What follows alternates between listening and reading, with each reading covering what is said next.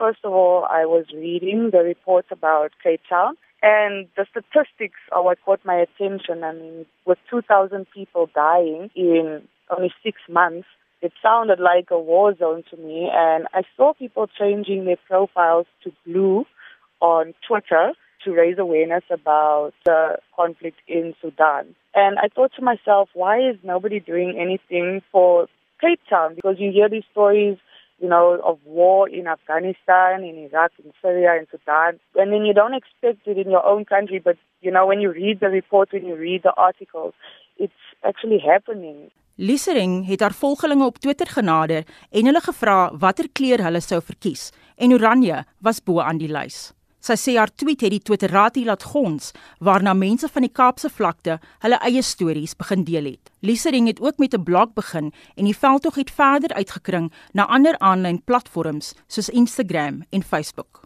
It's scarier than just what we've been reading in the news, you know, but I feel like it's given people a, a voice, you know, to start talking about the realities of what they have to live with on the flats in these townships. I feel like it's basically given people a platform to raise awareness about what is happening there and hopefully that will get the attention of the people who can actually make a change, you know, in the situation. Sy sê sy kry gereeld die vraag oor waarom mense soos sy wat van elders in die land afkomstig is, in solidariteit met die mense van die Kaapse vlakte moet staan.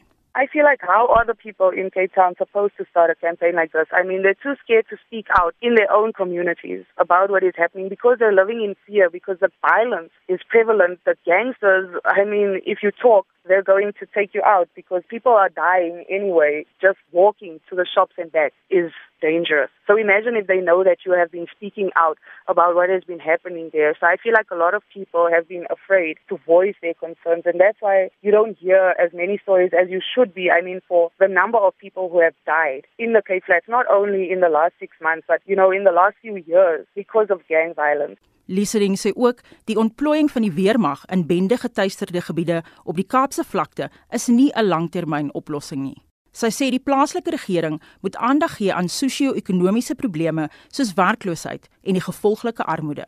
The people voted for you to take care of them and to better their circumstances and their environment. You can't ignore them. I, I mean, I'm shocked that they have been ignored when they are the majority, when they make up 80% of the population are living in gross poverty and with gang violence being prevalent in their communities, and this has just been ignored.